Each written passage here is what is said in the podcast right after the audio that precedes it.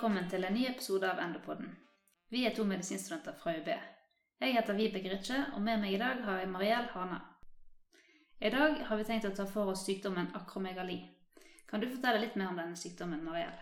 Dette er en ganske interessant sykdom som har både utseendemessige karakteristika og indremedisinske konsekvenser. Det er en sykdom som ofte blir oppdaga ganske seint, på tross av at en tidlig diagnose er viktig for å hindre senskader og komplikasjoner av denne sykdommen. Derfor tenker vi at det er en viktig sykdom å kjenne til, og det er greit å vite hvilke symptomer man skal være på utkikk etter om man mistenker at en pasient har sykdommen akromegali. Men først og fremst så vil jeg trekke fram en historie. Den handler om en mann som heter Sultan Kosen. Han ble født i Tyrkia i 1982. Familien hans var alle innenfor det man kaller normal høyde. Også han var av normal vekst fram til han fylte ti år. Plutselig begynte Sultan å vokse enormt. Når han var 26 år, ble han målt til hele 251 cm, og tok dermed tittelen som verdens nålevende høyeste mann. Men det var ikke bare i høyden Sultan vokste, og han har òg rekorden for de største hendene på en levende person, som måler 28,5 cm fra vristen til tuppen av fingrene. Han har òg tidligere hatt rekorden for de største føttene på en levende person, der den lengste foten målte 36,5 cm, som tilsvarer størrelse 60 i sko. For å finne ut årsaken til sultans enorme vekstspurt og mekanismene som ligger bak, så bør du følge med videre mens vi tar for oss temaet akromegali. Ja, nå kjenner jeg at jeg begynner å bli mer nysgjerrig på dette temaet.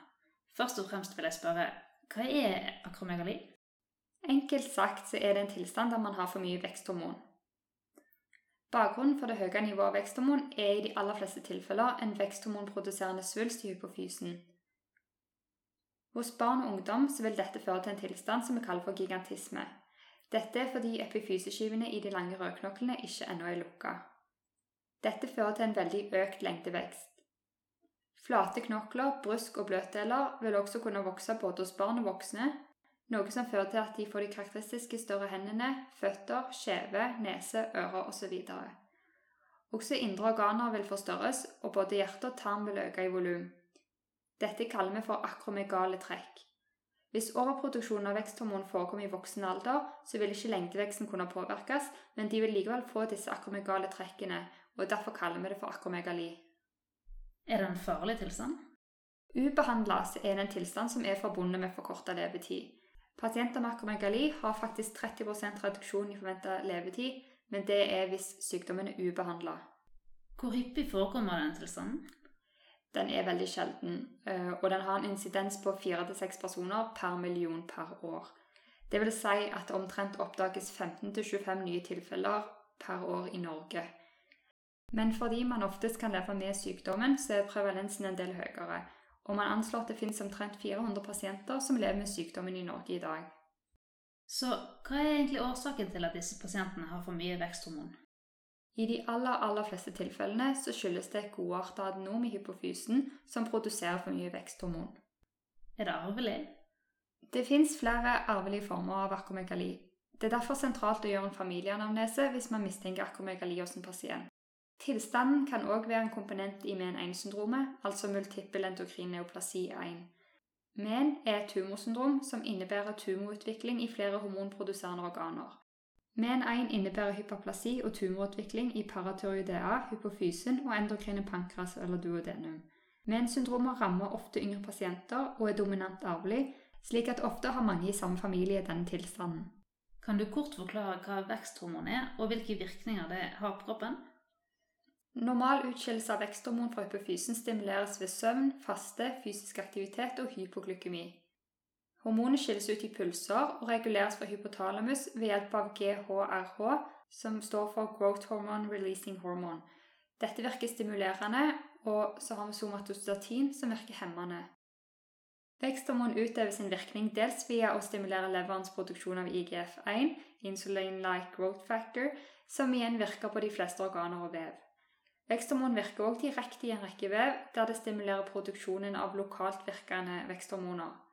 Både IGF-1 og lokalt produserte vekstfaktorer stimulerer proteinsyntesen. Dette gir økt muskel- og beinmasse og redusert mengde fettvev. Hva er symptomene på akromegali? Man kan si at det er to grupper av symptomer som kan oppstå hos pasienter med akromegali. Den ene gruppen av symptomer bunner i at tumoren i hypofysen kan vokse og dermed legge trykk på andre strukturer, mens den andre gruppen symptomer er knyttet til at man har for mye veksthormon i kroppen.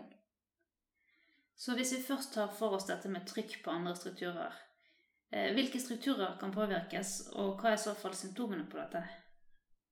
Et viktig symptom ved økende tumormasse kan være hodepine. Veksthormonproduserende tumorer kan ofte vokse seg store før de oppdages.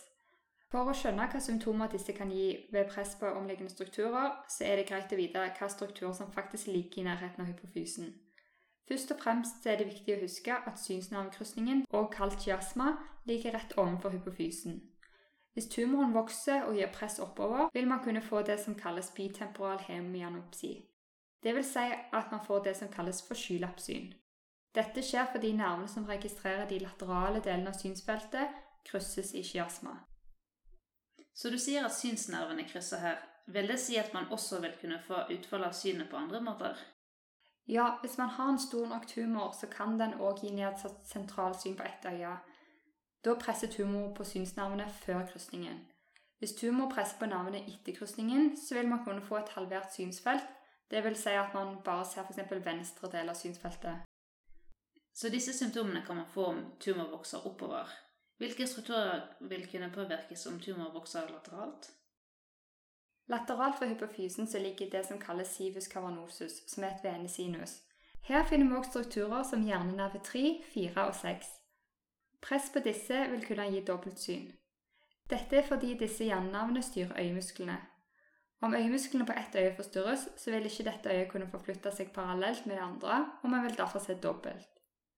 Tumoren kan også presse på andre deler av selve hypofysen, sånn at vi kan få hypofysesvikt, dvs. Si mangel på andre hormoner for hypofysen.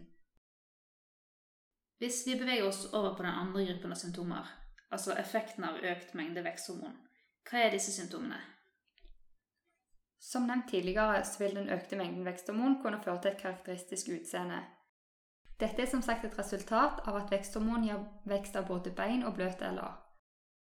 Hender og føtter blir bredere, og pasienten har ofte merket selv at f.eks. ringer som alltid har passet, nå har blitt for små, eller at de har måttet kjøpe større og større sko. Denne påvirkningen på bløtdeler og knokler kan også føre til f.eks. karpaltunnelsyndrom, artrose og leddsmerter. Ansiktet kan også forandre seg og bli mer grovt. Nese, lepper og ører blir forstørret. Kjeven forstørres, og man kan utvikle underbitt og mellomrom mellom tennene. Selve tungen og bløtdeler i halsen vokser òg, og pasientene kan begynne å snørke og utvikle søvnapné. Et annet viktig moment er veksthormonenes virkning på indre organer, der både tyroidia, lever, nyrer, milt, hjerte og tarm øker i volum. I innledningen så sa du at denne sykdommen ofte oppdages ganske seint. Hvordan kan det ha seg? Disse symptomene som er karakteristiske for sykdommen, har jo vanligvis utvikla seg over lang tid, og utseendemessige forandringer som utvikler seg langsomt, kan være vanskelig å oppdage. Mange pasienter forteller at diagnosen ble stilt tilfeldig, og ikke alltid av den legen som har fulgt pasienten over tid. Tidlig i sykdommen er funnene mer diskré, og symptomene kan òg være mer uspesifikke. Et godt eksempel på dette er nattesvette. Dette kan være et tidlig symptom, og kan i noen tilfeller lede til en tidlig diagnose. Et annet viktig spor til en tidlig diagnose kan være ledd- og muskelsmerter, som er et resultat av veksthormonets effekt. Høyt blodtrykk og type 2-diabetes skyldes jo svært sjelden akromegali, men kan noen ganger være med på å styrke mistanken. Men dette er som du sier ganske uspesifikke symptomer, som kan ha mange årsaker. Hvordan kan man da stille en tidlig diagnose? Ja, det er et godt poeng. Av denne grunn er pasienter med akromegali ofte innom veldig mange ulike spesialister før diagnosen settes. De kan som sagt kanskje ha hatt muskel- og leddsmerter og derfor bli sendt til ortoped, eller så kan fastlegen ha mistenkt kreftsykdom pga. nylig oppstått nattesvette. Noen pasienter kan ha oppsøkt tannlege fordi de merker at tennene får mer avstand, mens andre kan ha oppsøkt plastikkirurgi fordi de oppdager endringer i utseendet. For å ikke snakke om påvirkningen sykdommen har på indre organer og blodtrykk. Derfor er det utrolig viktig å ha diagnosen akromegali i mente nesten uansett hva spesialitet man velger innenfor medisin. Du nevnte tidligere at personer med akromegali har en kortere forventet levetid. Hva er det som er bakgrunnen for dette? Personer med akromegali har òg en økt risiko for kreft, spesielt tykktarmskreft. Et høyt nivå av veksthormoner i blodet vil ha metabolske effekter, sånn at det utvikles insulinresistens og diabetes type 2. Man ser òg at personer med akromegali utvikler hyperlipidemi og hypertensjon. Disse faktorene gir en økt risiko for hjerte- og karsykdom. Hvis man mistenker akromegali hos en pasient, hvordan utreder man for dette? Man kan måle nivået av veksthormon i blodet, men et problem her er at veksthormon som sagt skilles ut i pulser. Det har samtidig en veldig kort halveringstid. Derfor kan ikke én en enkelt måling gi diagnosen. Derimot så sier vi at en tilfeldig måling under 0,04 mikrogram i praksis utelukker tilstanden. Grunnen til dette er at friske personer gjennom døgnet har små perioder der vi måler en verdi på null. Personer med akromegali har derimot en så stor utskillelse av veksthormon at de rekker ikke å komme ned i så lave verdier før en ny puls av hormoner utskilles. Men hvordan kan man da påvise akromegali? Man pleier å måle IGF-1 i stedet, fordi dette har lengre halveringstid og er mer stabilt. Dette gjenspeiler veksthormonnivået det siste døgnet. Hvis man måler normale IGF-1 hos en pasient, så taler det altså sterkt imot at vedkommende har akromegali. Et viktig poeng her er at referanseområdene er aldersspesifikke, dvs. Si at hormonnivået hos en ungdom ikke er det samme som en godt voksen person. Man må altså vurdere det hormonnivået man måler, opp mot hva som er normalt for den aktuelle aldersgruppen som pasienten tilhører. Nivået av veksthormoner er høyest hos ungdommer og unge voksne, og så faller det med økende alder. Så hvis man måler et forhøyet nivå av IGF-1, kan man da sette diagnosen? I tvilstilfeller så gjør man en glukosebelastningstest for å verifisere diagnosen. Dette gjør man fordi glukose normalt vil undertrykke veksthormoner. Som tidligere nevnt så vil hypoglykemi stimulere utskillelsen av veksthormon. Logisk nok så vil hyperglykemi gjøre det motsatte. Ved denne glukosebelastningstesten så gir man først glukose peroralt, ofte 75 gram. Deretter så måler man veksthormonnivået etter én og to timer. En måling over 1 mikrogram per liter gir diagnosen narkomegali. At veksthormonproduksjonen ikke lar seg hemme fysiologisk tross hyperglykemi, er et tegn på at det foregår en autonom veksthormonproduksjon. Hvis man så har påvist høye nivåer av IGF-1 og eventuelt hatt en positiv glukosebelastningstest, hva er neste steg i utredningen? Man tar òg en MR av hypofysen for å se etter et adenom. Da får man òg et inntrykk av hvor stort adenomet er, hvor det ligger, og eventuelt hva omliggende strukturer som er eller kan bli påvirka ved videre vekst. Fordi det ofte foreligger et makroadenom, tas det òg prøver for å utelukke hypofysesvikt. Det er ofte òg nødvendig med en undersøkelse hos øyelege, særlig dersom tumor ligger nær skiasma. Man tar òg prøver for å undersøke om pasienten har utviklet diabetes. Blodtrykket må måles fordi hypertensjon er vanlig, og vanligvis gjøres det òg en EKG og ultralyd av hjertet pga. høy risiko for ventrikkelhypertrofi og eventuelt hjertesvikt. Pasienten bør òg sendes til koloskopi pga. den økte risikoen for tykktarmskreft. Hvis man da har påvist akromekali hos en pasient, hva er så behandlingen? Førstevalget er selvsagt en kirurgisk fjerning av adenomet. I noen tilfeller så kan dette helbrede tilstanden. Sjansen for å lykkes med dette er størst for mikroadenomer, dvs. Si adenomer under 10 mm. Makroadenomer, som vil si adenomer over 10 mm, er ofte vanskeligere å fjerne helt. Og Tilstanden har i disse tilfellene derfor en tendens til å vedvare, altså at det er en resttumor, eller de kan residivere. Et flertall av tumorene er makroadenomer ved diagnosetidspunktet, så derfor så er det ikke alltid at tilstanden blir helbredet ved kirurgi. Hva ønsker man å oppnå med behandlingen? Man ønsker jo først og fremst å bringe veksthormon- og IGF-nivåene til normalområdet for pasienten sin alder. Man ønsker òg å få kontroll på tumoren, sånn at den ikke vokser seg stor og presser på de omliggende strukturene. Hvis man lykkes med behandlingen, så vil man som sagt ofte kunne oppnå en normal forventa levetid hos pasienten. Finnes det andre behandlingsmuligheter enn kirurgi? Ja, man kan faktisk òg benytte seg av medikamentell behandling. Eh, og I denne forbindelse er det sentralt å igjen nevne somatostatin, som er et hormon som faktisk har fått navnet sitt pga. den hemmende effekten på utskillelse av veksthormon, somatotropin. Somatostatin skilles altså ut i hypotalamus og virker hemmende på hypofysens utskillelse av veksthormon. Derfor er det laget somatostatinanaloger som hemmer produksjonen av veksthormon. Det kan gi både skrumping av tumoren og ikke minst normalisering av veksthormon og bedring av symptomer. Medikamentell behandling brukes oftest når primærkirurgisk behandling ikke har gitt tilfredsstillende effekt, men kan også brukes som primærbehandling hvis kirurgi er kontraindisert, eller som preoperativ behandling for å krympe tumoren før kirurgi. Det finnes òg et medikament som effektivt blokkerer effekten av veksthormon på reseptornivå, og på den måten gir symptomlindring. Men dette medikamentet kan ikke gi skrumping av tumor. I tillegg så kan det i noen tilfeller være aktuelt å prøve dopaminagonister, dvs. Si samme medikamentelle behandling som for prolaktinomer. Etter operasjon eller oppstart av medikamenter, hvordan følges pasientene videre? Fordi akromegali er en kronisk sykdom, må pasientene få oppfølging videre. For å undersøke om man har kontroll over sykdommen, så måles IGF-1-nivået. Ved mistanke om resttumor eller residiv kontrolleres også hypofysen med MR. Man kontrollerer òg jevnlig hypofysefunksjonen for å utelukke videre vekst av adenom og derav eventuell hypofysesvikt. Hvordan er prognosen for en pasient som får akromegali? Hvis man oppdager sykdommen på et tidlig stadie, så kan prognosen være god. Blir diagnosen stilt på et sent tidspunkt, så kan det derimot være vanskeligere å helbrede tilstanden. Man anslår at under 50 blir kurert ved en operasjon, og det er derfor pasientene fylles med MR i etterkant av operasjonen.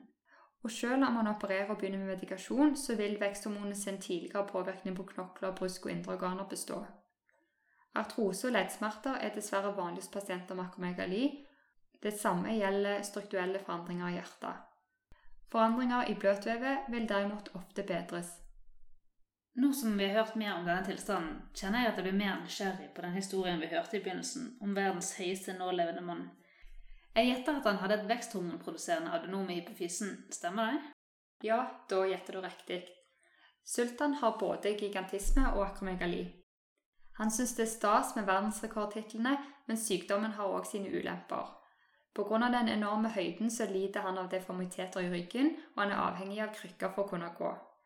Ikke bare fortsatte han å vokse, men legene ble etter hvert bekymra for veksthormonets negative effekt med tanke på økt kreftrisiko og metabolske følger. I Tyrkia prøvde de derfor å operere vekk tumoren, men de klarte ikke å fjerne alt fordi den lå vanskelig til.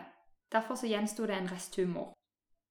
Heller ikke medikamenter kunne senke veksthormonnivåene tilfredsstillende. Sultan fikk derfor muligheten til å opereres med et sykehus i Virginia i USA. Der brukte legene såkalt gammakniv for å ødelegge restsvulsten. Gammakniv kalles også for stråleknivbehandling, som kort sagt går ut på at veldig presise høydosestråler fra flere kanter rettes mot et område som skal behandles. Disse strålene krysses i svulsten, og bare i akkurat dette området er bestrålingen høy nok til å gi biologisk effekt. Denne behandlingen var en suksess i Sultans tilfelle, og veksthormonnivåene hans stabiliserte seg. Veldig interessant. Takk for en fin gjennomgang av akromegali. Selv om dette er en sjelden sykdom, så er den altså viktig å kjenne til. Dette fordi at det er en sykdom som er vesentlig oppdaget tidlig, og fordi at det finnes veldig gode behandlingsmetoder i dag. Ja, denne sykdommen er et godt eksempel på hvordan legevitenskapen har kunnet nesten kurere sykdommer som tidligere ga mye plager og kortere levetid. Utrolig interessant, og ikke minst fantastisk. Tusen takk for at du hørte på denne episoden av Enderpodden. Vi høres.